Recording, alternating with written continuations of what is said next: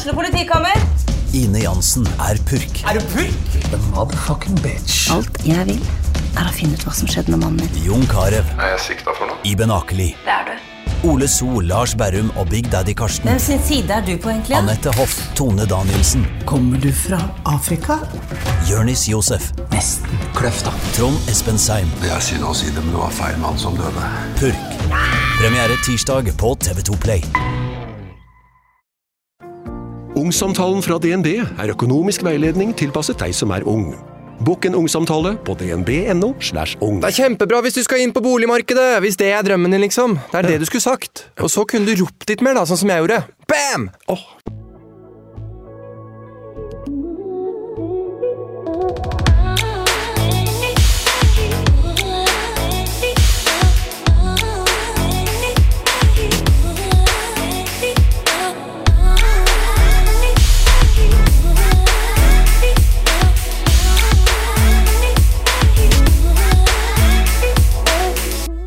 Hallo og velkommen til en ny episode av podkasten min Sykt ærlig med Martine. Månedens tema det er jo toppidrett. Og i dagens episode så tenkte jeg at jeg skulle slå på tråden til Jon Arne Riise. Jeg lurer rett og slett på hvordan han har det om dagen. Hvordan han trives i trenerjobben, hva den innebærer, og hvordan det går på privaten. Jeg har mange spørsmål, som alltid, både til hans nye arbeidssykkel og til karrieren hans. Er han ensom nå? Hvordan er det når barna bor så langt unna?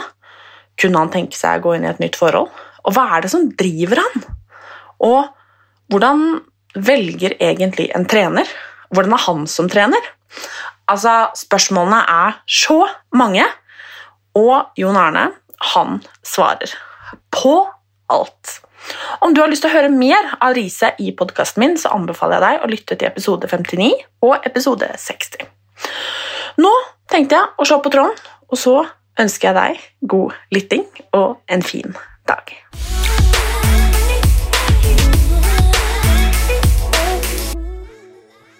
Hei og velkommen, Jon Erne Riise. Takk for det. Du er med på Skype i dag. Ja, Vi er ikke i samme da, så da blir det litt lettere med Skype. Du har jo eh, ganske nettopp eh, flytta. Ja. Så eh, her er ikke du. Du er i Haugesund. Jeg er Haugesund, ja. Jeg har tatt over Avaldsnes toppfotball som eh, jentelaget. Eh, og er nå trener i toppserien. og Vi er nå midt i oppkjøringa, så jentene er eh, ganske slitne for tida.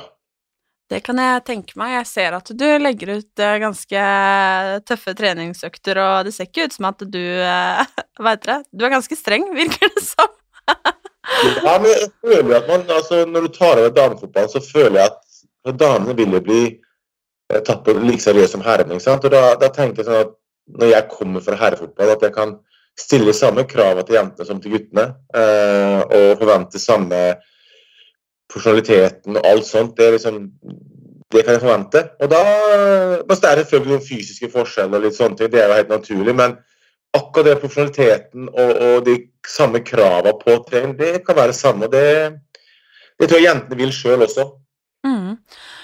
Vi, eh, grunnen til at jeg ville snakke med deg før Du har jo vært gjest i podkasten min før, men i dag er du gjest som rett og slett trener.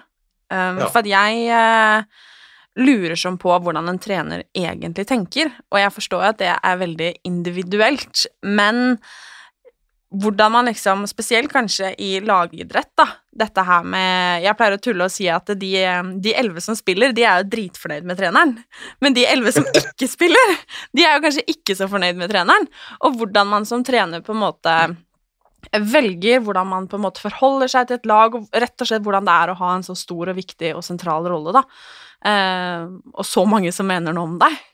Ja, du er inne på som sagt, Jeg har vært spiller sjøl, så jeg vet akkurat hva du tenker på med det at de som starter, de er fornøyde, de som ikke. Men altså, som trener så er det eh, Det man lærer fort, er at man Si du har et tropp på 20 stykker. da. Alle er ulike. Så du, du Det første jeg gjorde som trener, var jo å eh, Jeg er veldig sånn sosial av meg. Jeg vil, jeg vil bli kjent med spillerne mine på banen, men også utenom. Eh, på det private plan. Fordi da kan jeg lettere håndtere hver enkelt hvis det oppstår noe. Eh, hvis jeg ser at en spiller f.eks. har dårlige par treninger på rad, så i stedet for å kjefte på den spilleren, så kanskje jeg vet at ja, hun eller han har problemer på hjemmebane, eller eh, gå til skilsmisse, eller et eller annet da, som gjør at den personen ikke er up to date, da kan jeg heller behandle hun eller han annerledes fordi jeg vet noe. Man har ikke visst det på forhånd, så kunne jeg liksom kjefta og huden full, ikke sant? og så har du det kjipt på hjemmebane. Så jeg er nok ganske opptatt av å bli kjent med spillerne mine, sånn at de føler de kan stole på meg 24-7. Eh, og så er jeg, opptatt, jeg er veldig opptatt av jentene, eller nå snakker vi om jentene sine, jeg er jentetrener, at de kan komme på trening og ha det gøy. Eh, og så rettferdighet og ærlighet eh, med spillerne, sånn at du vet hvor skapet står og vet hvor de står. Så ikke jeg sier noe, og så går jeg tilbake på det plutselig eh, etterpå. Mm. Tror du at Fordi du har jo spilt på, på det høyeste av det høye, eh, og spilt med både vanvittig mye bra spillere og hatt veldig mye kompetente og store trene, trenere. Eh, og tror du at du har lært mye som på en måte spiller av hvordan du f.eks. har blitt behandla av trenere, at eh, det er en fordel i, i, din jobb nå? Uten tvil. Og jeg var jo øh når folk spør meg hvilken type trener skal det bli, så prøver jeg å ta de positive tingene for de trenerne jeg har hatt, som jeg likte veldig godt. Eh, samtidig så lærer jeg de negative sidene som mine trenere har hatt, og prøver å gjøre noe annerledes. Fordelen med meg er at siden jeg har vært på det nivået jeg har vært på sjøl, så kan jeg sette meg i spillerne mine sin, sin posisjon og tenke hva ville jeg som spiller ønske at treneren min skulle gjøre nå? Eh, så når jeg går på trening nå, sånn som jeg skal på trening etterpå, det er sånn jeg tenker liksom at hva jeg som spiller skal ønske sjøl, uh, hvordan treneren var. Og det er en liten fordel jeg føler jeg har at uh, Min første samtale med jentene var Jeg kan alle unnskyldninger i boka. Jeg kan alle bortforklaringer. Jeg kan alle kroppsspråk, for jeg har vært der sjøl. Så jeg kan ikke å komme og liksom late som det er vondt noe plass eller være deppa. Jeg, jeg, kan de, jeg kan alt, for jeg har vært der. Så jeg tror det er mye fordeler med det da, å være spiller sjøl. Mm. Det tror jeg også. Men jeg lurer Hvorfor har du lyst til å være trener? Så jeg er eh, For det første er det jo jeg er konkurransemenneske. Eh, og etter jeg la opp, så har jeg liksom gjort masse forskjellig. Men det er liksom det å kunne bruke min erfaring da, eh, til å hjelpe andre Det ser jeg jo nå at det har vært det å se utviklinga til altså Jeg ser spillet etter steg for steg, uke til uke, gir meg så mye glede. Eh, og det å være med å forme og veilede spillerne til For det vi trener er, vi er bare veiledere. Altså vi, vi, vi trener dem etter hva vi tror er viktig.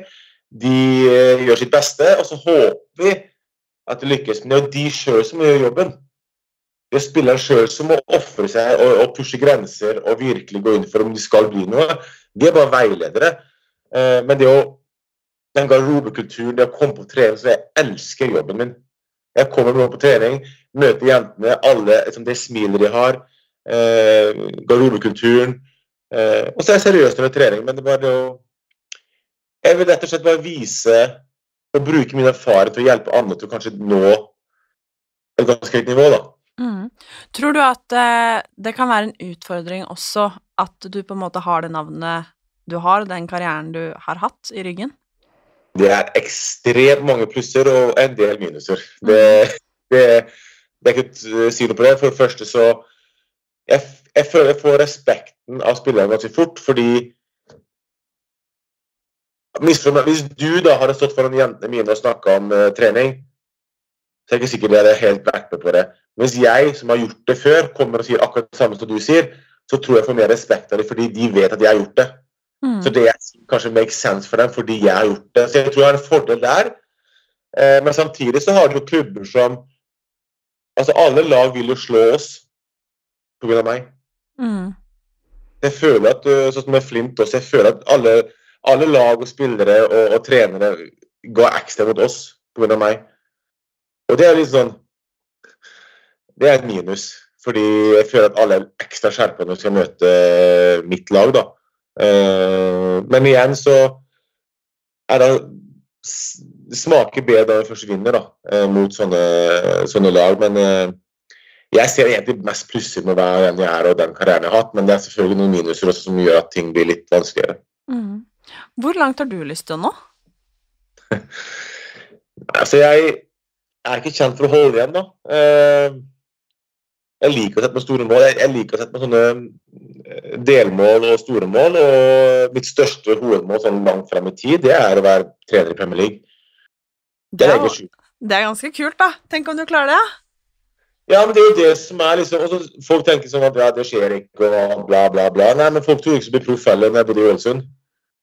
Men jeg lykkes jo der. Så altså, det å drømme stort gir meg bare energi til å jobbe hardere. Det er ikke sikkert det lykkes, men så lenge jeg klarer å gjøre mitt beste, så er ikke noe mer å gjøre med det. Så drømmen er Premier League, men eh, fram til det så er det mye jobb som må gjøres, så det, du, må, du må ha flaks også. Eh, men jeg har funnet ut at den jobben her elsker jeg. Eh, Det var det viktigste man har funnet ut. Uansett nivå, bare det å være trener eh, for noen og hjelpe noen, om det er gutter eller jenter, det, det trigger meg virkelig. og eh, Jeg er veldig glad for at jeg har tatt de kursene og, og, og virkelig elsker jobben. Mm. Savner du å spille fotball selv? Altså, Jeg skal ikke lyve og si at uh, uh, Jeg ser jo kamp på TV, og jeg er på trening med Jeg blir jo med av og til sjøl, men uh, Jeg vet ikke om jeg jeg savner å spille fotball, men jeg savner garderobekulturen. Det å reise på turer, bortekamper, uh, forberede til kamp, det savner jeg. Og det er litt det jeg får igjen nå som trener òg. Men jeg føler det ga meg på et nivå på på et tidspunkt hvor jeg bare Jeg var ikke lei fotball, men jeg var lei å legge ned jobben som kreves. Mm. Uh, så jeg tror det Jeg vil ikke si jeg savner fotball, men jeg, eh, jeg, det jeg savner med fotball, får jeg når jeg er trener. Men jeg lurer Når eh, du spilte fotball, eh, så vet man jo at eh, man har en relativt tidlig pensjonsalder. Eh, man legger jo opp når man eh, forhåpentligvis har veldig mye igjen av livet. Og var du da bekymra når du var aktiv som spiller, for hva du skulle gjøre seinere? For den tiden du på en måte er i nå? Nei, altså Det er jo to ting. da. Altså Når du legger opp fotballspillet, så er det enten For du velger det sjøl, så gjør du når du har, da har du lagt en plan for videre liv. Men blir du skada og må legge opp, da kommer det litt brått på. Jeg var heldig å la opp når jeg sjøl ville det, så jeg hadde en liten plan om hva jeg hadde ønsket å bli, og det var trener og sånt. Eh, Men de som blir skada i sier du 30-32 og ikke helt lagt plan, de kan nok få et lite sjokk eh, da. Men jeg var, jeg var ganske klar på at jeg ville bli eh, trener, men fram til å bli trener så var det å måtte ha kurs. Så jeg gjorde mye annet innimellom. Jeg var jo Betson-ambassadør, spilte poker og masse annet for å holde hverdagen i gang. Men eh, målet var alltid å bli trener, og nå er jeg på god vei og har en stor jobb for meg nå med, med Avaldsnes eh, i toppserien, og gleder meg til det.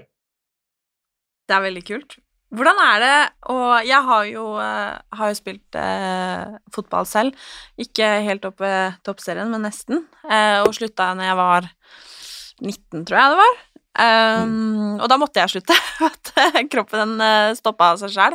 En drittankel. Jeg, men jeg skal ikke være en av de som sier at eh, jeg hadde vært fotballproff om ikke. men eh, det var gøy så lenge det varte, i hvert fall. Uh, men jeg også drømte jo om det, og jeg lurer egentlig på hva Um, Hva er den største forskjellen på å trene et herrelag og et uh, damelag? Det er kanskje det mest spurte spørsmålet jeg får siden jeg tok over eh, Avaldsnes. Eh, jeg prøver å gjøre at det ikke er noen forskjell. Eh, litt som jeg sa innledningsvis, at jeg prøver å behandle jentene på lik linje med guttene med tanke på hva jeg krever på trening, hva jeg krever av de utenom trening på hjemmebane av, seriøsitet, hva jeg krever når det først er trening og kamp, fokuset, alt det kan være likt. Men det store forskjellen er at jentene er ekstremt lojale. Nesten for lojale. Sier du hopp til høyre, så hopper du til høyre hver gang. Men aldri prøver kanskje litt til venstre. Guttene er ikke der. De er litt mer eh, sta og så gjør ting på sin måte. og Du må jobbe litt mer med det. Så det er liksom, Jeg liker at jentene er lojale, for da får du svar på det du har lyst til å få svar på. Og så er det fysiske forskjeller, selvfølgelig, men det er bare mer naturlig. Altså, Jeg er blitt vant til at jentelaget er som det er, eh, og det fysiske, mens guttene er noe helt annet. Eh, Og så er det følelser. Spesielt når jeg har én-til-én-samtaler med gutta og én-til-én-samtaler med, med jentespillerne, så reagerer jentene litt mer eh, sårbare. De tar ting til seg litt på en annen måte enn gutta gjør. Og uten at de kanskje mener noe personlig, og sånt, eller noe kritikk, så tar de som kritikk med en gang jentene. Og blir fort lei seg. Mens gutta er litt mer sånn uh, Gir litt faen og børster av seg. Så jeg vil si uh, fysiske, som er naturlig, fordi det er dame og herre, er forskjell. Uh, og, og, det der med følelser. men alt utenom det, så prøver jeg å, å, å tenke likt som det dame og herre. Jeg trener og forventer det samme. Mm. Du har jo eh, levd ekstremt godt av, eh, av fotballen. Um, mm. Og det er jo en eh, enormt stor forskjell på det økonomiske aspektet og med, med, fans og alt som på en måte hører med eh, i disse to forskjellige verdenene, som, som, det på mange måter dessverre er. Um, hva syns du om det? At gutta på en måte tjener for eksempel eh, Om vi tar de beste norske spillerne, da. Eh, om vi tar Erling versus eh, Ada, for eksempel, eller Karoline, for eksempel. Eh, som er alle ekstremt bra, men eh, ekstremt forskjellig med på en måte hvordan kontrakten er. Nei, Det er jo et ekstremt vanskelig tema å, å, å, sammenligne med. Fordi jeg synes det er synd, og det er litt derfor jeg tok damejobben også. For jeg føler at med mitt navn og nå med egen TV-serie i tillegg, så, klarer, så vil jeg være med på å løfte damefotballen. Eh, med en egen serie og med mitt navn og rykte, og sånn, så prøver jeg å få litt blest ut damefotballen, for at folk ser at jentene jobber like hardt som gutta. Legger ned like mye jobb som gutta. Men altså, det som betaler lønningene, er jo TV. Det er jo TV og interessen rundt uh, som, som, og, og sponsormarkedet som, som betaler det. Og når du tenker på sponsormarkedet, så Sponsoren betaler jo mye fordi de blir vist på TV, mens damer blir ikke vist like mye. Så det er så vanskelig, for jeg, jeg syns det er utrolig synd at jentene ikke får mer kred for jobben de gjør, med tanke på økonomiske eh, plusser. Eh, samtidig som jeg forståelse for at det er som det er pga. interessen. Altså det er det som markedet styrer. Men jeg som trener for damer syns det er veldig synd, og jeg prøver å hjelpe jentene mine også. Eh, men jeg ser jo nå på innsiden hvor lite penger det egentlig er i damefotballen, eh, også i Norge. Forskjell på eliteserien i fotball for herrer og toppserien for damer er ganske stor økonomisk. Eh, men det er ikke noe jeg kan, eneste jeg kan bidra med, er å løfte interessen rundt og få mer sponsorer, få mer tilskudd på kampene. Få TV-kanaler til å vise mer kamper, og så håper jeg at det øker. Mm. Men jeg syns det er synd, og jeg føler med jentene som, som tar den uendelige kampen med det. det. Jeg forstår det, og jeg støtter det. Mm. Jeg må også spørre om det her. Vi, snakka jo om det at uh, disse som får starte, f.eks., de er kjempefornøyd, og disse som ikke får starte, de er kanskje ikke så fornøyd. Um, ja. Og jeg tror alle som har drevet med idrett, um, har følt på det og på en måte blitt benka, ikke være enig med treneren, føle at treneren kanskje ikke liker en, er fornøyd med en, alle disse tingene her. Mm, ja. Og jeg er jo veldig, veldig tett på, på, hockeymiljøet, og der er det jo luksus hvis man får en tilbakemelding på hvordan man gjør det. Eh, mm. Og veldig, veldig macho-kultur. Eh, enda mer enn i fotballen. Men hvordan som trener håndterer du på en måte de som ikke, ikke er fornøyd, og hvordan velger du egentlig på en måte eh, fordi mange av de som sitter på benken, gjerne, hadde jo vært gode nok til å spille, hvis du skjønner hva jeg mener, og, og omvendt. Hvordan, hvordan, velger man?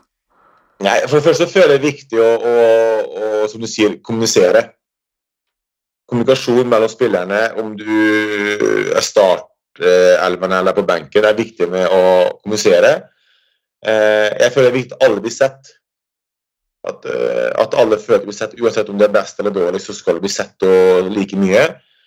Eh, og så er det det med, med ærlighet, da, tydelighet. At alle vet sin rolle, hvordan det ligger an i laget. Eh, men det, er jo ofte det er jevnt mellom flere spillere, og da er det dagsfølelsen på treneren. Mm. Type motstander. Eh, bare en sånn feeling at nei, nå passer hun bedre eh, i dag. Så mislykkes du. Men jeg føler bare at med, med, med, jentene mine nå, så er det å kommunisere med dem. Altså, hvis jeg tar et lag Nå er ikke sesongen starta, men vi har hatt noen treningskamper. og Da sier jeg på forhånd at det og det er planen.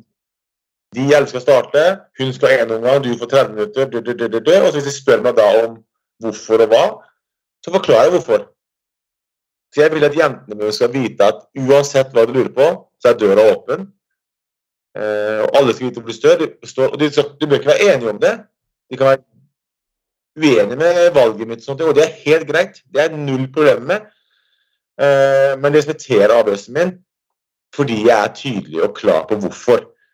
Eh, så, men du vil alltid få sånne eh, som du sier på benken, som sikkert face to face er smilende og aksepterer det, og som etterpå sender melding til venner om at treneren er idiot og uh, har feil valg og spiller ikke i dag. Det, det kan ikke gjøre noe med, men uh, så lenge jeg er tydelig og, og, og trygg på at jeg har gjort, uh, vært ærlig med spilleren, så har jeg gjort jobben. Samtidig så vet alle sammen at 11 kan bare starte.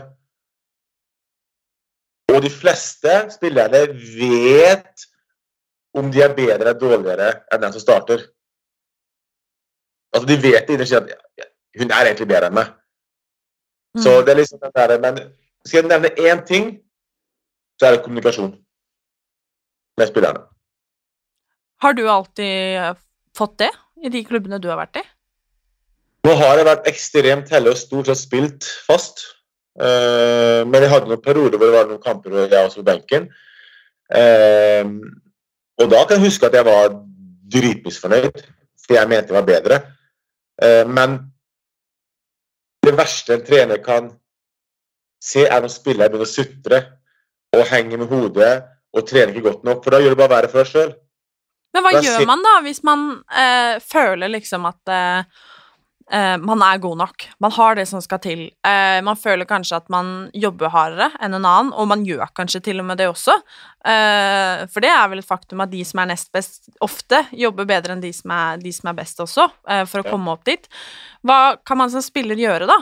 På generelt grunnlag, for å, liksom, for å vise seg for treneren og faktisk få den plassen man mener selv at man fortjener? Da må du faktisk bare, som jeg sa, at du har riktige holdninger, godt humør, trene enda hardere og når du får sjansen, ta den.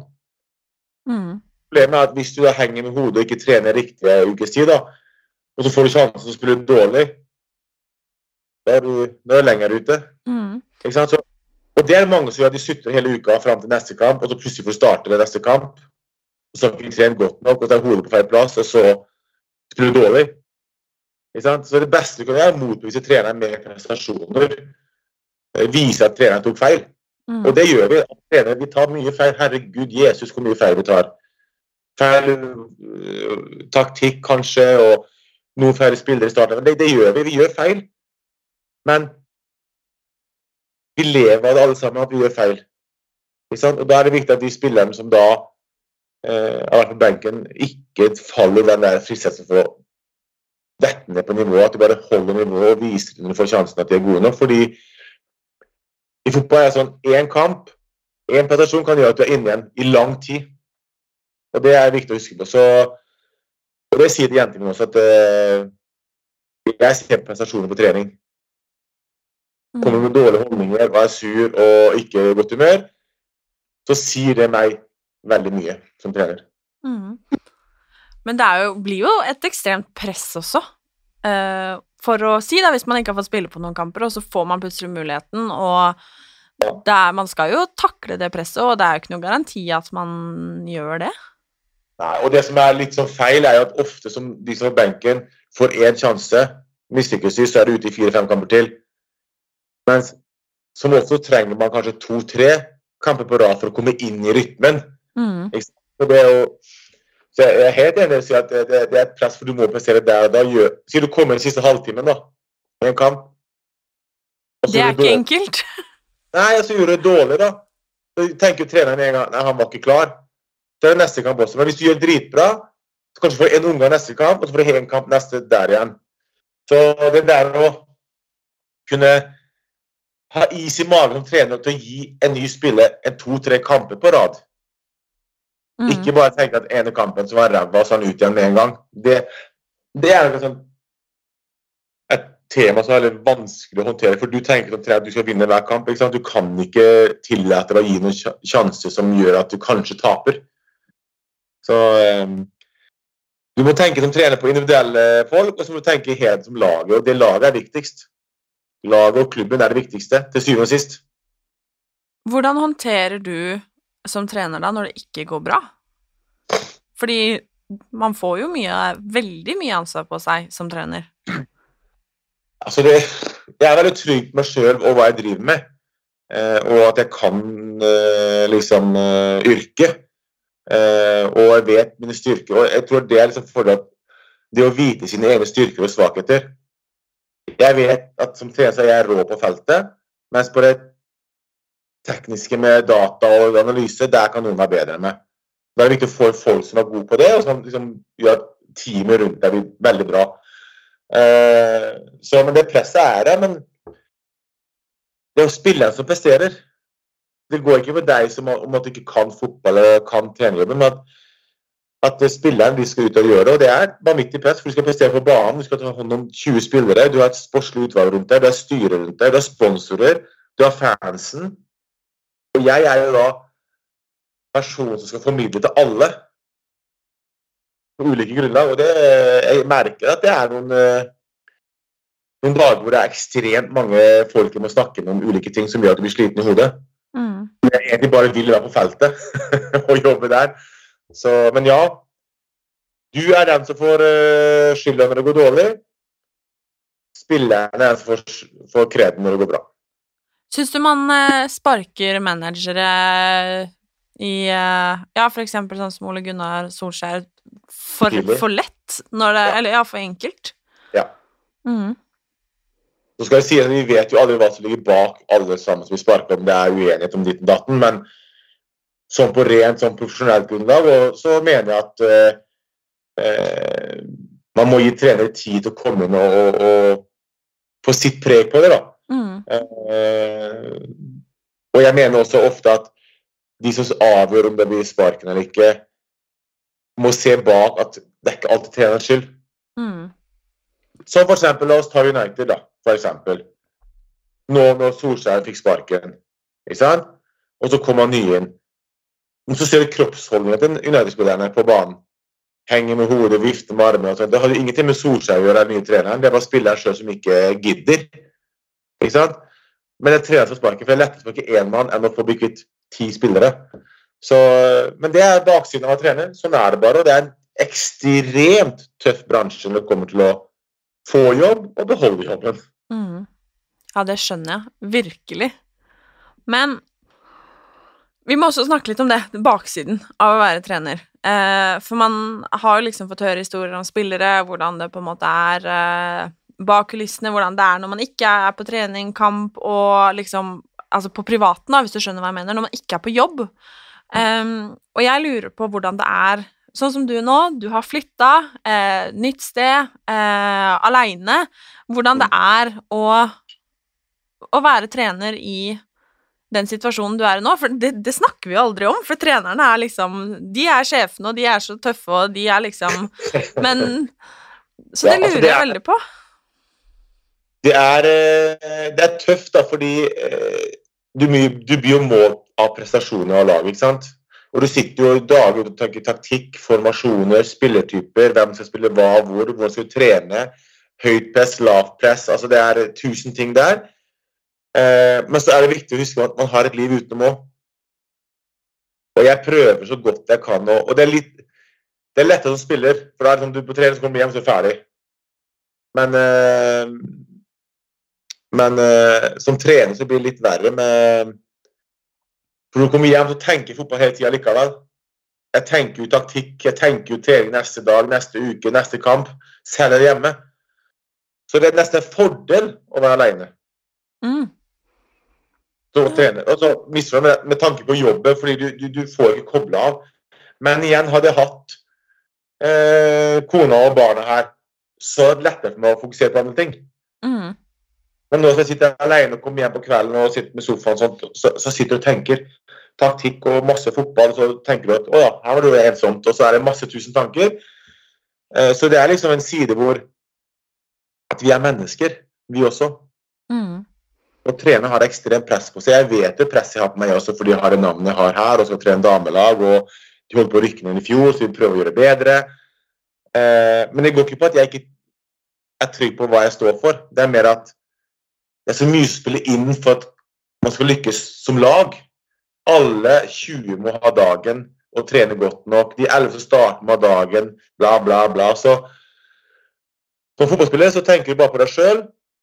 Som trener så har du 20 spillere, og du har et team rundt deg, du er støtta rundt deg, og alle skal ha det bra, alle skal funke, og det er ditt ansvar.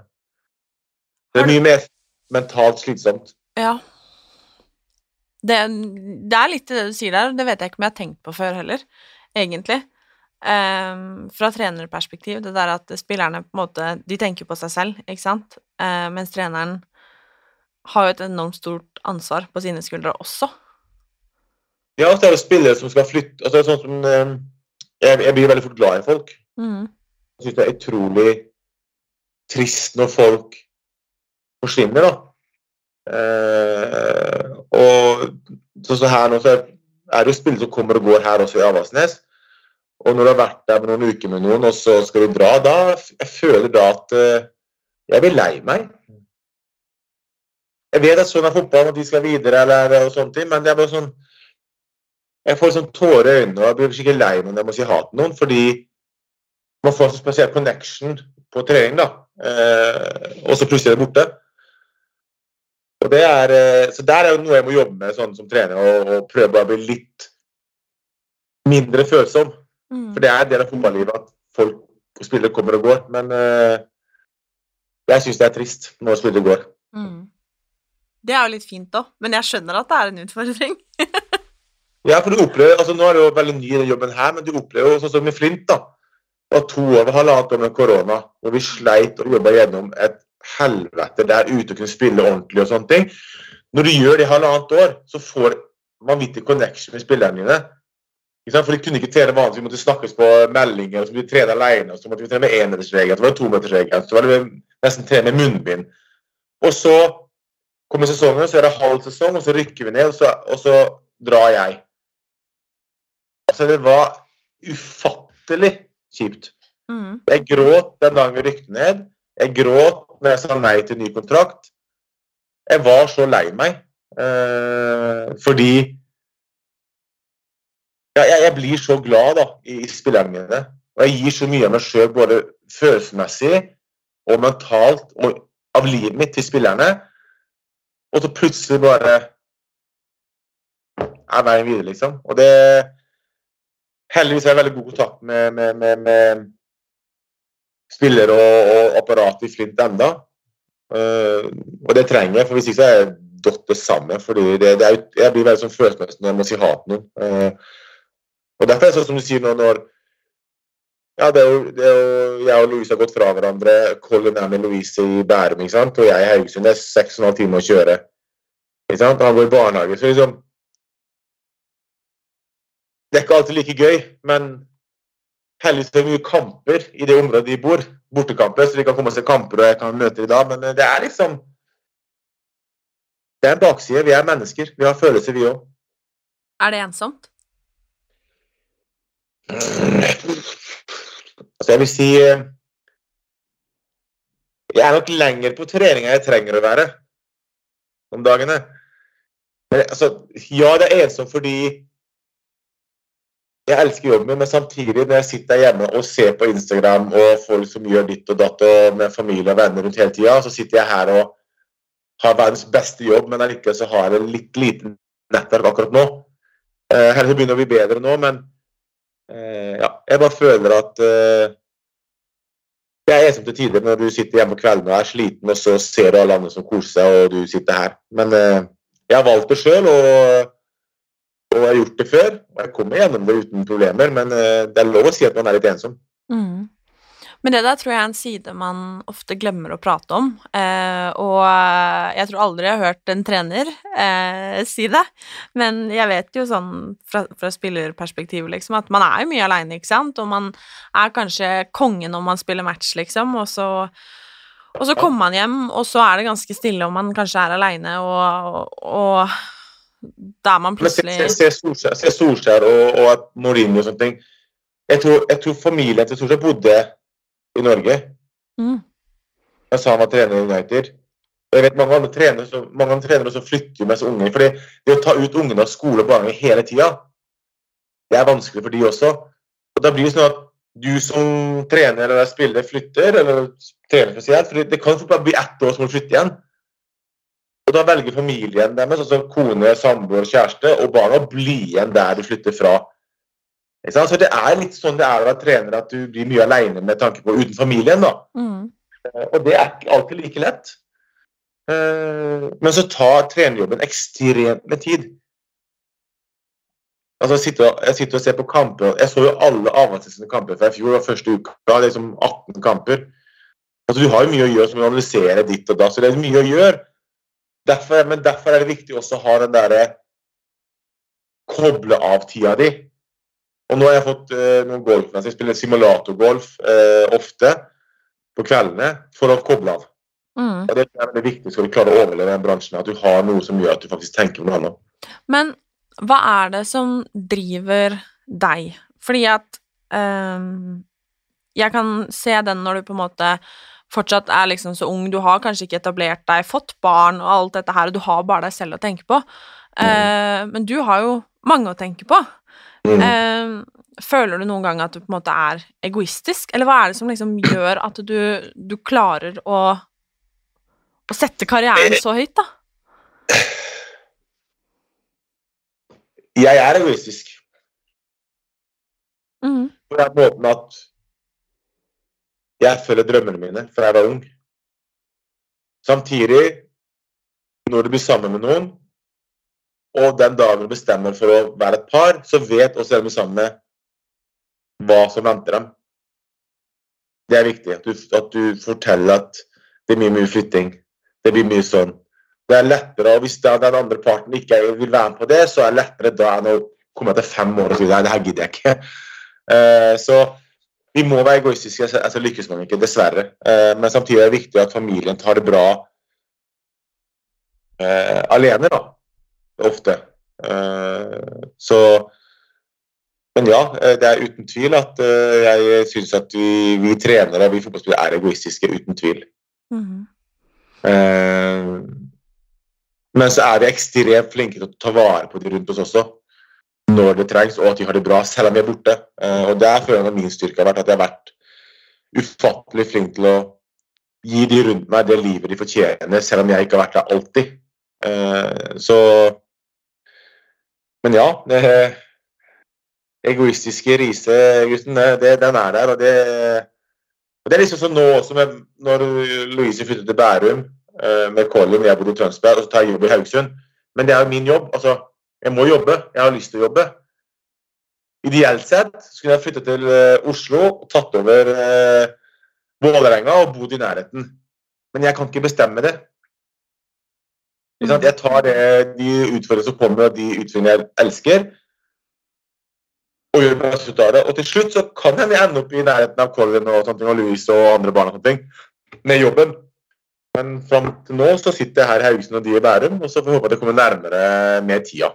Men eh, ja, det er, eh, det er bare sånn det er. Men der, du drømmer jo om det store utland. Jeg drømmer om det store utland, og, og, og, og største drømmen da, i livet mitt nå er å bli trener i Premier League. Men jeg vet at det kan være fem, ti, tolv år til det skjer. Men reisen fram dit blir vanvittig bra og interessant og lærerik. Og oppturer og sikkert en haug med nedturer og sparken her og der og ditt og datt. Men det er livet som trener, det er valgt sjøl. Så Ukas annonsør er Asan, min daglige intimmask. Jeg er oppvokst med Asan intimsåpe i dusjen hjemme hos mamma og pappa, og det ble også en vane jeg tok med meg da jeg flyttet ut hjemmefra. Med andre ord så har Asan fulgt meg så lenge jeg kan huske. Gjennom ulike faser, perioder, oppturer og nedturer. Og vet du hva?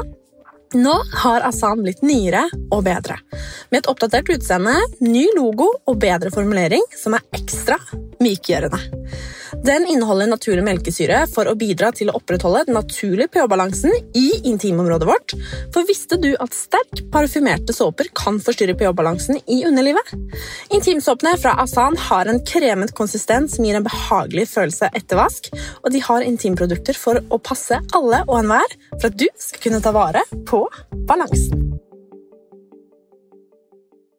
Og der må jeg si at der er jo Louise også flink til å akseptere at hun vet hva min drøm er, og min jobb er. Hun vet jeg blir borte mye og ikke får tatt Colin, eksempel, som er vårt barn, eh, like mye som hun kanskje skulle ønske at en pappa var til stede. Det er derfor jeg kjører hjem nå. Når jeg har et par dager fri, så kjører jeg hjem i syv timer for å være med han i to dager, så kjører jeg hjem igjen. Det er liksom, det er sånn det må bli litt fremover nå. Mm. Tror du at du noen gang kommer til å liksom tenke at nei, nå er det nok, nå vil jeg liksom bosette meg, etablere meg eh, og ha en fast base, liksom? Ja. Du tror det? Det er, jo, det er jo det jeg har lyst til eh, når man blir litt lei av diverse ting som eksempel eh, For man blir lei av fotball. Man blir lei av det presset og konstant beskrevet om og konstant snakke om eh, både opp- og nedturer og positiv og negativ forstand. Så, så drømmen er å kunne eh, gjøre noe bra som trener, oppnå store ting der, og til slutt bestemme seg meg for nå flytter jeg hjem dit, kjøper meg hus der, og der blir jeg boende. Og så finne noe annet å gjøre på. Men eh, det er sånn som nå, så Jeg solgte jo huset i Tønsberg, og var så heldigvis solgt det off market og vet årsak til ti dager etterpå. Så før jeg flyttet til Haugesund, så var huset solgt og borte. Så jeg har ingen sånn connection med noe nå. Nå er det, nå er det fotball som styrer. Eh, og så er mammaen min i Tønsberg, og sånt. så når jeg drar hjem, så drar jeg selvfølgelig til de eller til, til uh, Louise og Colin. Men drømmen er jo når, når alt er oppnådd som trener, så er det å kjøpe hus da, og bli gammel og grå. Hvor, hvor håper du at det er? Eller vet du ikke ennå? Altså, drømmen er å bo i utlandet. Litt av forskjellige årsaker, men jeg føler bare at jeg, du, har, du, har, du har bodd i utlandet du, jeg tror du merker sjøl at Jeg vet ikke, du, du, du er litt mer usynlig.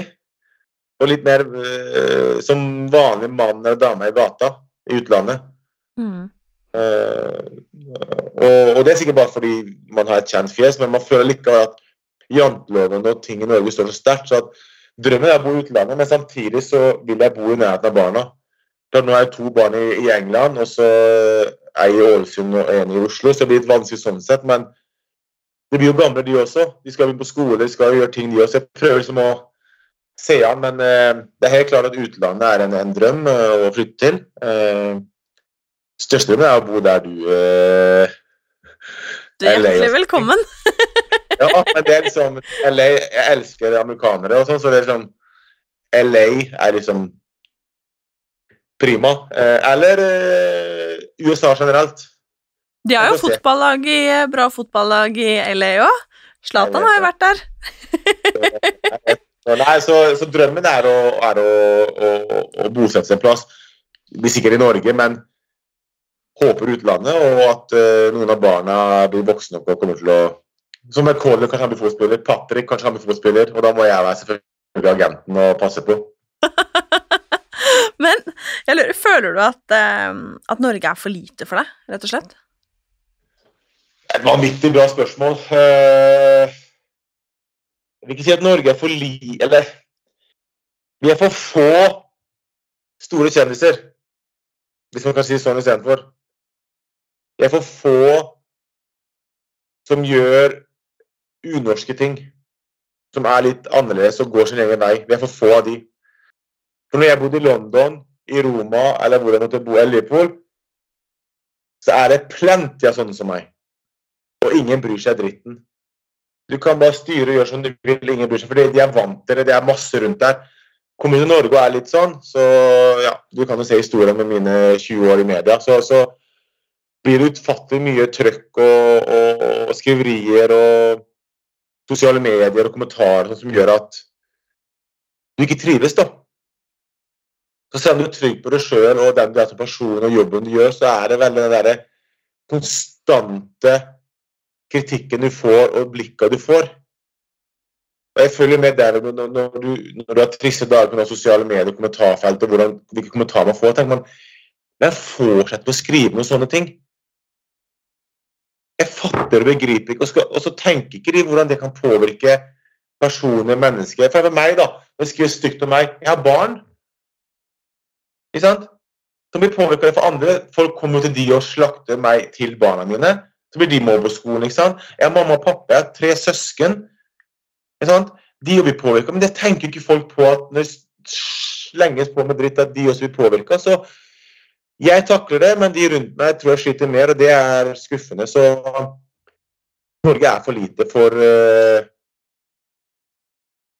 sånne som meg, hvis man kan si det. Mm. Hva er det som påvirker deg mest når folk skriver?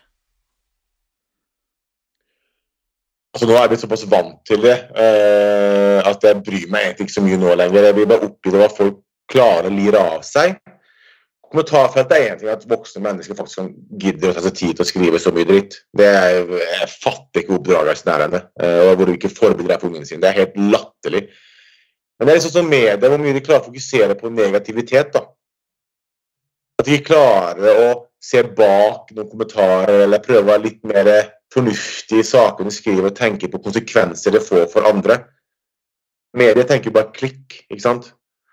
Eh, så blir, nå, er, nå har jeg slutta å bli overraska for hva som kommer. Eh, og nå er jeg jo singel i tillegg, så jeg, altså, jeg tør jo ikke å si hei til når jeg hilser på noen uh, i gata, liksom, for da går ryktene med en gang hva faen jeg gjør på. Liksom, hadde jeg gitt deg en klem nå, liksom, og folk setter, så har ryktene gått med en gang. Mm. Det, det, det, det, er sånn livet mitt Uansett hva jeg gjør, så, så går ryktene. og det er, det er tøft å leve fordi du blir så, du blir så Selv om du driter i det, så blir du likevel påvirka av det. For du klarer ikke helt være deg sjøl. Jeg er veldig sosial av meg, og, og, sånt, og jeg har masse venner og kan håndhilse og klemme. og Folk kommer og tar bilder og, og vil ha autografer. Men for eksempel, tar du bilde med noen som har lyst til å ta bilde med deg, så ser noen, så tror de at altså, Skjønner du? Det er helt mm. sånne ting. Da, og det er slitsomt. Det skjønner jeg.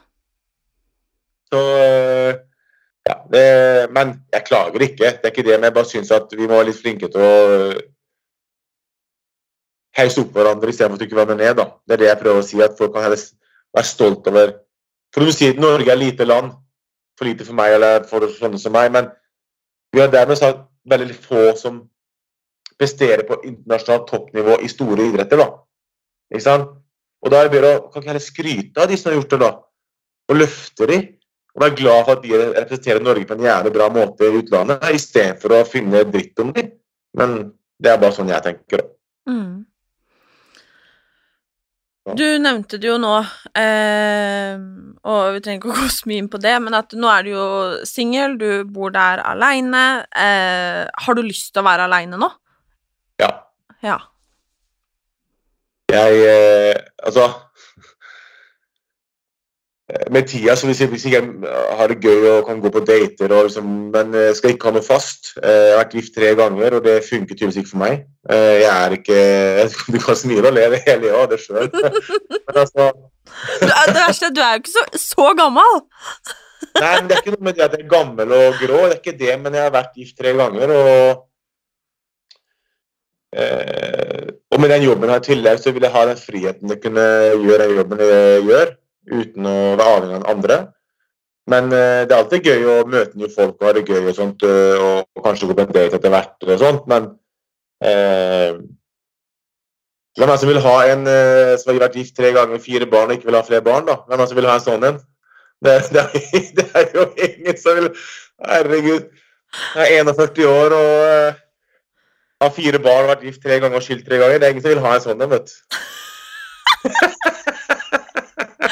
Selvinnsikt, i hvert fall. Jeg sa, det, jeg sa det i går. Hva var det jeg sa til i går? Jo, han spurte meg ja, skal du, skal du ha en ny dame etter hvert. da? Så, så sa jeg bare OK, hør, hør, hør, hør, hva har, hør hva de har velget. Jeg vil ikke ha flere barn. Eh, jeg vil ikke ha noen som har barn fra før av. Jeg har fire barn sjøl. Jeg har vært gift og skilt tre ganger. Altså, finn noen som passer beskrivelsen der. Ingen! Nei, du kan så si! Nei, ja, nei altså, jeg kødder ikke, men det er klart, jeg, eh, jeg er ikke der. Eh, jeg er ikke der. Eh, men som sagt, jeg liker å ha det gøy, jeg liker å treffe nye folk. Og, og, og med tida så kommer jeg sikkert til å gå på date eller to eller bare ha det gøy. Men jeg er ganske trygg på at jeg kommer ikke til å ha noe fast. Det er ikke det er ikke noe som tydeligvis passer for meg, og det er jeg ganske ærlig på. Eh, Men hvorfor ikke, tror du? Ja, altså, nei, si det. Eh, jeg tror det har noe med den, det livet jeg har levd og jobben jeg har hatt og, og sånt. At jeg har vært egoistisk, jeg har vært eh, opptatt av meg sjøl og sånt. Og det kommer til et punkt hvor hvor du eh, kanskje, kanskje blir for opptatt av deg sjøl enn de rundt deg en periode. At ikke du Om du tar tre år, eller åtte år, eller ti år, eller tolv år, til slutt så, så kanskje du Jeg vet ikke. Eh, men jeg tror livet er levd, og, og, og jobben jeg har hatt, og karrieren jeg har hatt, har gjort at du har vært så egoistisk at du også, også blir det til, av og til i hverdagen som gjør at ting ikke funker. da. Mm. Vanskelig å si, jeg har ikke peiling, men uh, Så sitter jeg og sier at jeg er ensom på kveldene, og så sier jeg også at jeg ikke skal ha noe. så liksom, Men jeg tror til syvende og trives jeg med den jobben jeg har nå, og det å kunne styre den sjøl. Mm. Men så har jeg å tenke på andre, for jeg har jo fire barn og, og, og, og tre ekskoner som, som jeg må samarbeide med. Og så er jo mamma og pappa og tre søsken i tillegg, og onkelbarn og alt det greiene der, så jeg har jo nok å tenke på, men ja, jeg, trenger, jeg tror bare det er best at jeg er her, Men- alene. Tror du ikke at det er litt sånn Jeg vet ikke, destruktivt òg? Sånn overfor deg selv, liksom? At Nei, men ok, du, at det er du som på en måte er liksom Nei, du fortjener ikke på en måte å ha noen. Skjønner du hva jeg mener? Fordi Nei, at ikke du er bedre enn som så? at jeg, jeg ikke vær selv skylda for at jeg har vært eh, skilt tre ganger. Det er jo en, en avgjørelse mellom eh, begge parter. Det er Mhm. ikke det jeg sier, men jeg tror bare at jeg må jo, begynne, jeg må tenke at ok, det skjedd tre ganger, liksom. Det må være en grunn til det. Men livet er sånn. Altså, sitter og tar skyld i noe, det er, det er alltid to sider. Og, men jeg må føle at eh, det var en grunn det ikke passer, da. Uh, så eh, Og det er litt trist da, at det ikke har funka. Selvfølgelig er det herregud, det er ingenting mer verdt å kunne ønske at alt funka og barna har det bra og de har det bra, men at man er en familie. Men det er liksom viktig at man kunne ha et samarbeid utenom, da. Eh, og så nå med, sånn som for Louise sin del nå, så ønsker hun alt godt i livet. Men det er klart det blir helvetes kjipt når hun er en ny type. Ja, for det skal jeg til å spørre deg om. Fordi at er dere Ja. For dere har jo, eh, har jo et veldig godt forhold, virker det som. Ja, vi har vært på forhold. Fokus av Kålund, og vi, vi uh, har et godt forhold. Men det er klart, jeg er klar på at den dagen hun får ny type, så blir det tomt. Mm. Det skjønner jeg. Ja, men det er jo normalt. Herregud. Mm. Men spesielt med tanke på hvis du da aldri skal finne noen igjen, da. Ja. Altså, jeg er jo en ekstremt sosial person. Ekstremt sosial Jeg, er det lov å si at jeg ikke tror på deg? jeg, tror, jeg tror det. Ingen tror på meg, men jeg er ganske tydelig på at det når det kommer til kjæreste og dame Men jeg er jo sosial og liker å finne på ting med kompiser og masse og farte og gjøre ting hele Jeg har jo energi herfra til himmelen, liksom, og sover nesten ingenting fordi jeg har så mye energi. Men akkurat nå på det dameforholdet, hvis det er det du spør om, så, så er det heller at jeg kan gå på dater og liksom ha litt sånn sosialt samarbeid på den måten enn å få med fast dame. Det er ikke aktuelt. Og det er jeg ganske trygg på, det er jeg ganske sikker på. Men som du sier, ingen tror meg. Det er vel mer det at ting kan jo forandre seg. Du er jo bare Hva er du, 41? Eh, Jo, altså jeg er jo 41 i alder, men alder er jo bare et tall. Herregud, jeg er jo ganske ung i hodet. Det er jeg helt enig i. Men jeg mener liksom at det er jo Altså, du kan jo ikke ha ensomme kvelder for resten av livet. Det er det jeg mener. Nei, Jeg er ikke ensom på den måten. Fordi, altså, når vi snakket om trenerjobben, det er det jeg fokuserer på. Jeg blir best mulig trener. Jeg legger all sjel og all kraft i det eh, for å bli best mulig, for jeg vet at mange følger med meg. Jeg vet at mange vil jeg skal mislykkes. Eh, og Derfor blir det best mulig å motvise dem. Ikke at jeg føler jeg har noen grunn til det, men jeg føler at det er noe ekstra sånn energikick at jeg har noe jeg kan eh, motsi og motbevise. Eh, og så det er, liksom, det er det som er fokuset, og, og, og, og samtidig at alle de rundt meg har det bra. Det er ikke sånn at jeg er ensom og ikke så, altså Jeg er ensom med, med tanken min av og til, men nå begynner sesongen snart, og da er det kamper hele tida. Analyserer kamper, så reiser vi, så er det bortekamper. og så er jeg sosial, men det er sånn liksom sånn du i LA også, når du sitter fire kvelder på rad da, alene på kvelden og ser på TV, og det er ingenting å se på Netflix, og liksom setter Netflix rundt opp og ned i mente, da begynner du å tenke Men jeg vet at jeg har et vanvittig bra liv. En nydelig jobb som jeg elsker, og en nydelig barn. Og, så alt er egentlig bra, men av og til så tenker du sånn Kanskje er gøy å ha gjort noe nå. Så, så jeg klager ikke. Det er bare sånn at fokuset mitt er trenerjobben. Jeg er så jævlig fokusert på den. Uh, at den skal gå bra. Uh, og når den har gått bra og fått en god start, så kan vi gjøre noe annet. Men det er viktig å koble av òg. Og det som jeg sa, kanskje med tida så kan jeg begynne å date da, og ha litt gøy på den måten. Men uh, Men ikke nå. Hæ? Ikke nå. Det er ingen som har spurt meg. er dette Er dette en kontaktannonse? Er det noen Nei, som vil gå på date med Jon med Og kjærligheten på podkasten til Martine.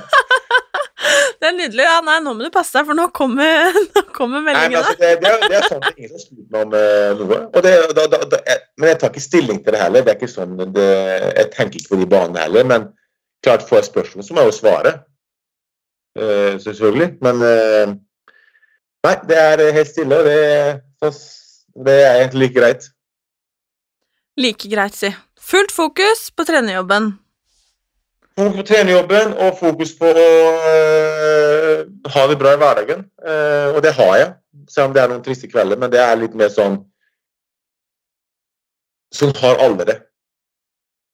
Jeg syns egentlig at det er ganske, ganske fint at du prater om det òg, for å være helt ærlig. Fordi det å være mann, bikka 40, eh, ganske nyskilt eh, fortsatt, singel, altså aleine, da, på den måten der, det er jo fryktelig mange som kan kjenne seg igjen på den ene eller andre måten, og eh, er det noe dere mannfolka ikke prater om, så er det jo ensomhet, liksom. Ja, altså I hvert fall når det kommer til sånne fotballspillere og fotballtrenere og sånt, Mhm. på, det, på, på det yrket er, det er, Vi er liksom sett vi skal være macho. Absolutt. Ikke sant? Fordi vi tjener penger, og vi har et bra liv, og vi gjør verdens beste jobb, bla, bla, har ikke grunn til å klage. Men du leser jo veldig ofte nå i siste tida om mental health, altså mental helse hos idrettsutøvere. Ikke Mm. sant? Eh, og, og litt derfor jeg er så åpen litt for deg også nå, fordi først så syns jeg podkasten er bra, og du er trygg å prate med, men sånn jeg, må ikke, jeg vil ikke gå vekk fra at jeg har en verdens beste jobb, jeg har det dritbra, men så er det jo tider hvor jeg også har det tungt. Mm. Og det er viktig å si at, For det sitter jo folk hjemme i stua og tenker at faen, har ikke han det tungt? Alle har det sånn. Alle har triste tider.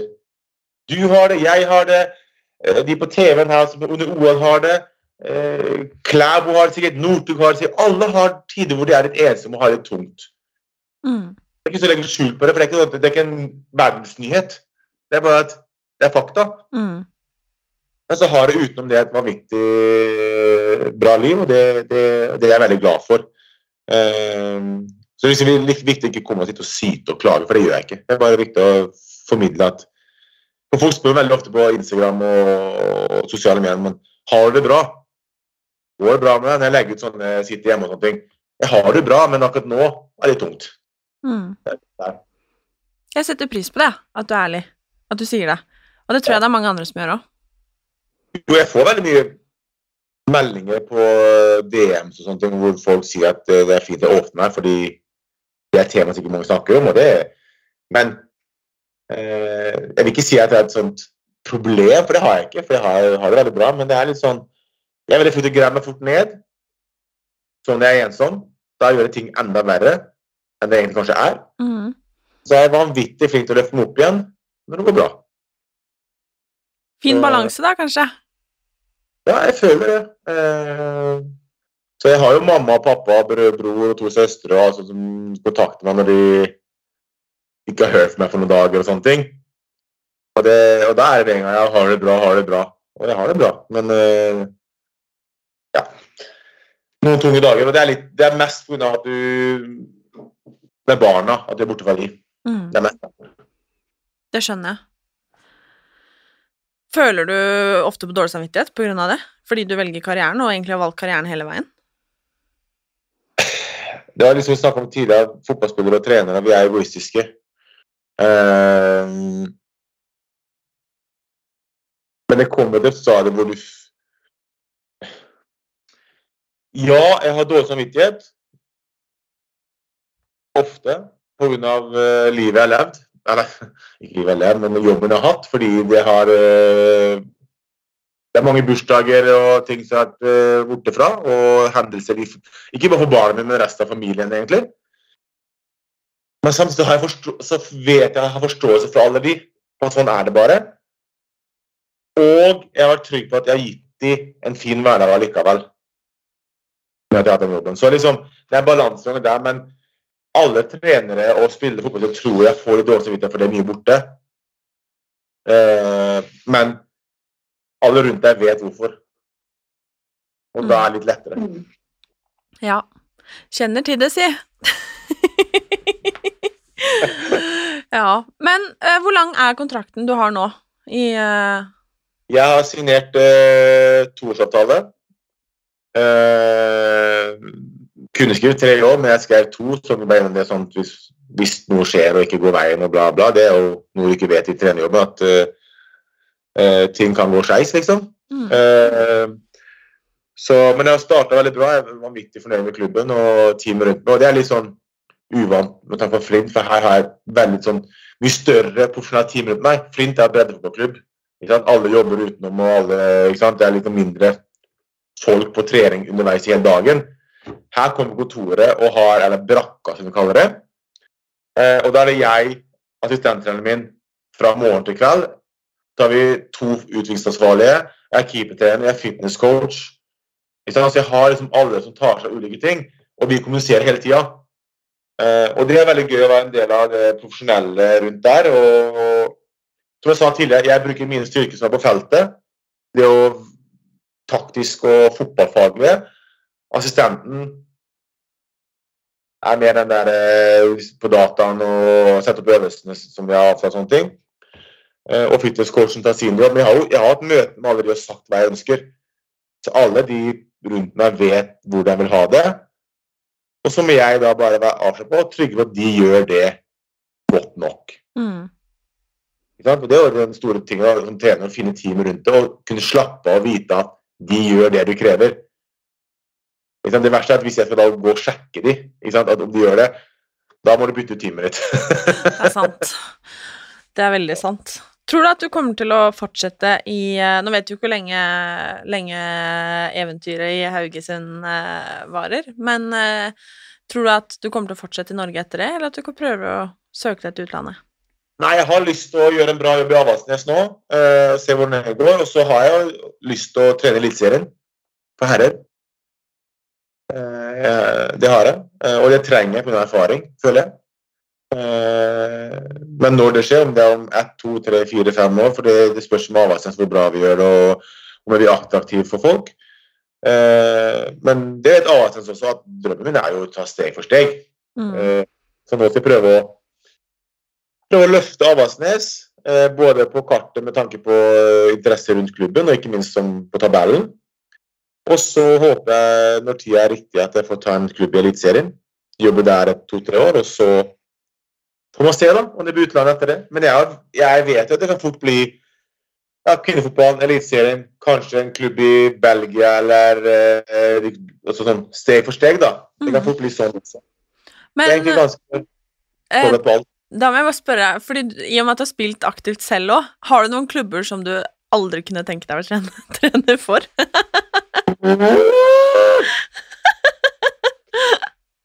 Så kom den, da!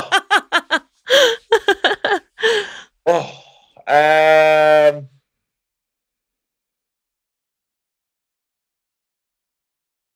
Everton og Lazio Ja. Interessant. kunne ikke ha trent i. Kan, kan jeg spørre om hvorfor? Everton unna Liverpool, samme by. Og min kjærlighet for Liverpool og sånt er for stor, og at det har blitt feil for meg. Lazio fordi Roma, jeg spilte der, og det blir også helt rivryskende feil. Så eh, man sier jo fotball, aldri sitter aldri, men akkurat der er jeg ganske trygg på at de to klubbene Hvis Everton og Lazio vil ha meg, så er jeg trygg på at andre klubber også vil ha det, og da får jeg ta de andre. Godt poeng.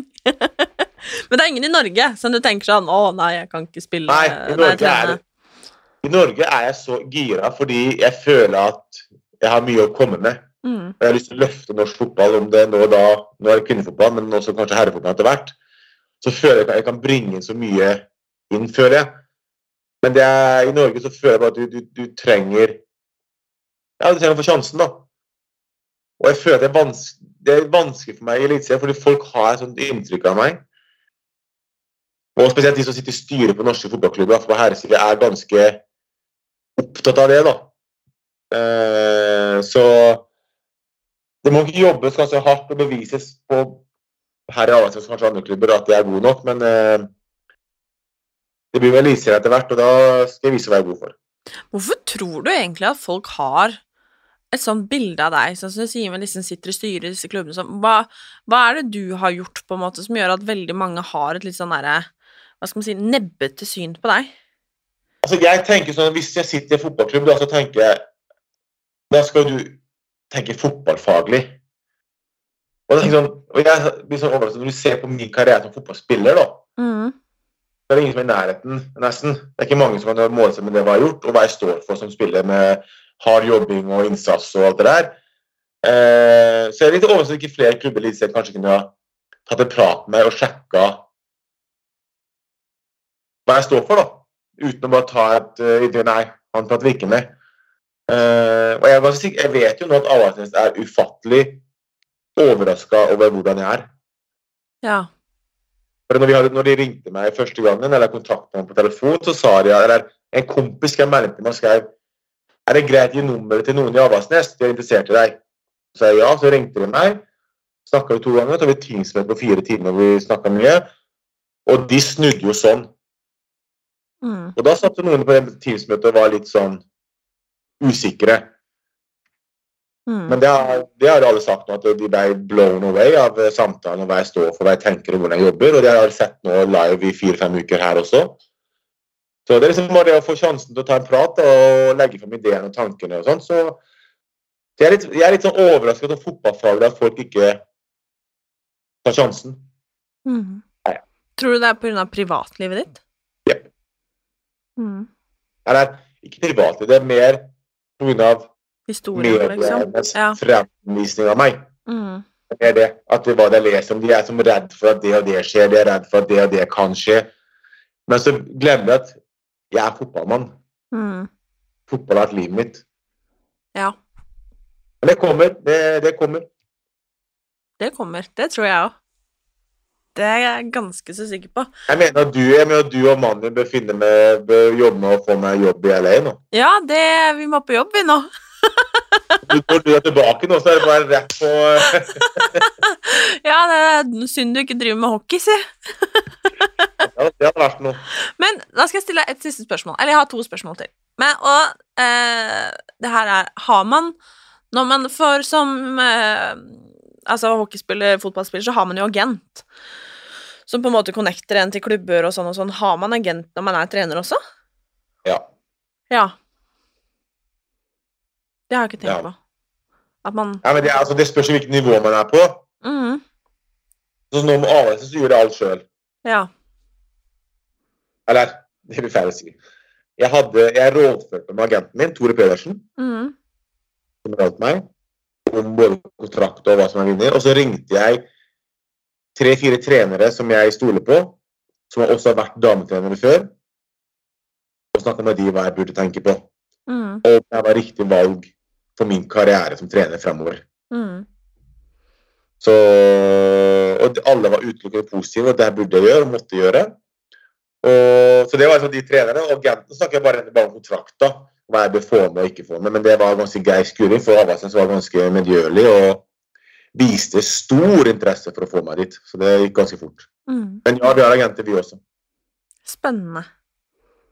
Hm. Det har jeg ikke tenkt på.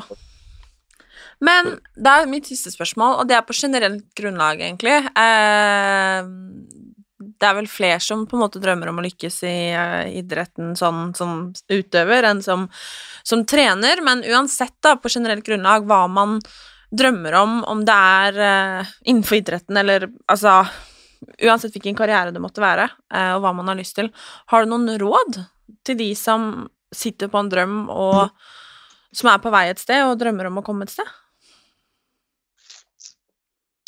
At jeg, jeg har ett kjedelig svar eh, som jeg kan utdype litt, men det kjedelige svaret er at du må ha tro på deg sjøl. Mm. At du må Uansett hva du møter og hva folk sier, så må du sjøl sitte og tro på deg sjøl at det går. Og så må du legge ned innsatsen som det kreves. Og der er forskjellen på mange at man, man tror man gjør alt, men så kan man gjøre noe mer også. Eh, og du vil møte motgang. Eh, og det er da å takle motgangen som er viktig. At at du ikke gir opp. At du står i det, du lærer deg å bli sterkere mentalt av det. Eh, du utvikler deg, og så er det bare å vise folk ryggen når du lykkes. Eh, så eh, min En av mine første tatoveringer var jo her på brystet. Der skrev 'Believe in yourself'. Som jeg eh, tok fort. Og det er liksom og det sier jeg til alle jeg har foredrag for, om det, er skoler eller fotballag eller bedrifter, så er det sånn Hvis du ikke tror på deg sjøl, hvorfor skal noen andre gjøre det? Mm. Så du må jo få folk til å tro på deg med at du tror på deg sjøl først. Så Men det er, det er, det er liksom det derre Bestem deg for veien og gå veien, og møt motgang med positivitet og snu det. Det er de som takler mest motgang og snur det, som vinner. Mm. Og det er jo der jeg som. Jeg har sagt det før når vi hadde podkast også med deg, at eh, det er jo der jeg syns du er vanvittig bra eh, på sosiale medier, hvor du viser ekstreme sider da, av eh, det å være et menneske. Mm. er positivitet når du er glad, eh, og når du er nedfor, og når du får sosiale medier-motgang og kritikk, og om det er vekt eller hva det måtte være, så viser du Jeg tror ikke du skjønner hvor mange som vokser på det, da. Mm. Nå ble jeg nesten rørt. Men jeg mener at jeg, jeg følger det for en grunn fordi jeg liker mennesker som går sin egen vei, som tør å vise seg fra både gode sider og dårlige sider. Eh, og er, er en stemme utad. Og, vi får, og det er liksom sånn nå, med, nå, nå tar jeg over kvinnefotballen. Jeg vet jo min rolle nå, Mm. pga. navnet jeg har, og pga. interessen rundt meg, og pga. egen TV-serie på TV2 også, så vet jo jeg min rolle. Det er å løfte kvinnefotballen. Mm. Din rolle, for du har tatt på den rollen, er å løfte jenter, eller gutter, da, men mest jenter, da. Når det kommer til selvbilde, og når det kommer til hva whatever det er for noe. Det er liksom å finne rollen sin, og så gjøre det beste ut av det. Og det er, det er å vise sårbarhet også. Jeg vet at Du har et jævlig bra liv, du bor i LA og bla, bla. Alle, du har det jævlig bra, men så er det jo tunge dager for deg òg. Absolutt. Og det må folk vite, for folk tenker å Martine, det livet er lei og sol. De tenker jo det. Mm. Som jeg sa, til meg jeg før jeg begynte å filme, jeg har sett mer av magen enn ansiktet siste tida på sosiale medier. Fordi du legger, ja, men du legger det sånn Og de bildene du legger, fy faen, jeg ler av de der bildene som ikke skulle vært lagt ut. Fy faen, så mye bra det er. Det er flest av de, for å si det sånn. Og de bildene som han tar av deg og du av han, er jo helt la... Han er så dårlig, han. Han er så dårlig, han er så uinteressert. Det er helt krise. Og folk det verste er at folk spør meg bare sånn Er han så dårlig? Så er det bare sånn Ja, han er så dårlig! Da kan du si til han at han bør gå inn på Louise sin profil. Jeg tar alle bildene hennes. Ja. Se kvaliteten på de bildene. Ja, nei, det er eh, Jeg må dra en tur til Haugesund, jeg, ja, da. For uh, Jon Arne fotograf. Finn jobb til meg, eller så kan jeg begynne, kan jeg begynne fotograf. Det er en avtale. nei, da har han nytt å lære, for å si det sånn. Jeg er jævla dyr. Ja. Herregud. Nei, da skulle det vært vennetjeneste, skal jeg si deg med en gang. Nei, men Så bra, Jon Arne. Jeg syns det her var kjempeinteressant og veldig, veldig kult. Enig. Veldig koselig og bra tema. og Mye prat om trenerjobben og det er menneskene, og så selvfølgelig noen følelser. Det, det er jo det du dreier altså, Din podkast er jo litt sånn at du snakker om Ja, det var trener, men det er jo liksom mye som innebærer inni det, da. Det er jo akkurat det, og det er sånn Jeg syns det er veldig fint å, å i en rolle, da, som eksempel trener, å få høre litt om baksiden, og for til syvende og sist så er det jo livet, liksom, og vi er alle mennesker, og få høre om litt det menneskelige aspektet av det også. Ja, altså, som sier, sporten jeg driver med, er jo, idretten jeg driver med, er jo kjent for å være veldig macho. ikke sant? Eh, tre, både trenere og spillere. Og, og vi er jo egentlig ikke det. Det er rart med det. Det er, det er et bilde folk danner seg utad, og så blir man litt lurt av å tro på det, og så er det sånn som det blir. Men eh, for eksempel, jeg kan sette meg i bilen og kjøre seks timer til uh, Colin etterpå. Og da er det når jeg kjører, jeg kjører alltid på kvelden på natta, for det er stille. Gjør du det? Ja. Og så setter på love songs. Gjør du det? Alltid. Ja, det Og jeg jeg. har, jeg har eh, love songs, uh, powerballader, love ballades. det bare sånn ballade. Og, jeg sitter i seks timer og jeg synger med, og jeg gråter litt, og jeg blir følsom og ja, ja, men det er ikke kødd engang. Jeg elsker det. Det er og da, vet, da vet jeg at da skal jeg til Colin. Ikke sant? Mm. Jeg til det, og så får jeg tid til å tenke i seks-sju timer i bilen. ikke sant? Og da synger jeg litt mer sånne love songs. Og når jeg drar hjem fra Colin, tilbake til Haugesund, akkurat samme sangene, men det er trist. det er liksom, Herlig. Jeg må jo tro det at risegutten sitter med love songs på bilen Og griner. og griner. Så hvis noen har noen vanvittig bra Spotify-lister som har med love songs, så jeg bare sender dem. Det er helt nydelig. Jeg ser det for meg. Jeg tror ikke jeg sitter og synger eh, Whitney Houston-sanger og Celine Dion-sanger i bilen. altså. Det er helt strålende. Nei, guri. Nei, men det er fint, det. Du er sikkert ikke aleine om det. Jeg gjør det, jeg òg. I går da jeg var på vei hjem, dritseint, lang dag med jobb og alt det, var det liksom sånn høy musikk med liksom bare å, Nydelig. Det er jeg og alle elgene og hjortene på turen hjem igjen som eh, synger. Herregud. Uff, ja. Nei, men du, du får kjøre pent, da, i hvert fall. Det skal jeg gjøre. Ja, det er bra. Men uh, skal vi rappe opp, da? Jeg skal ta et eh, bilde her først, bare, så du får uh, smile.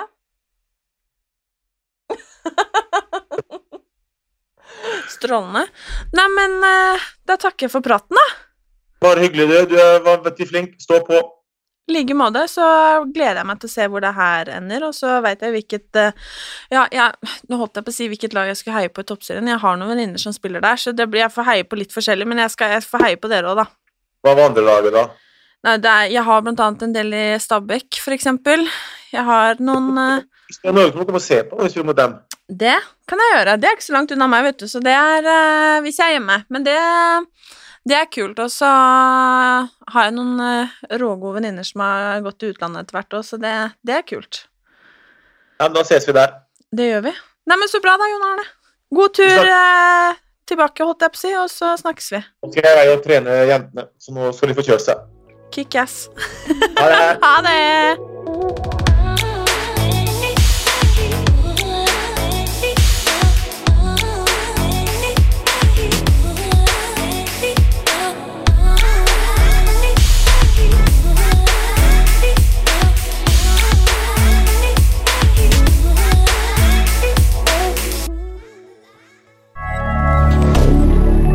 Media.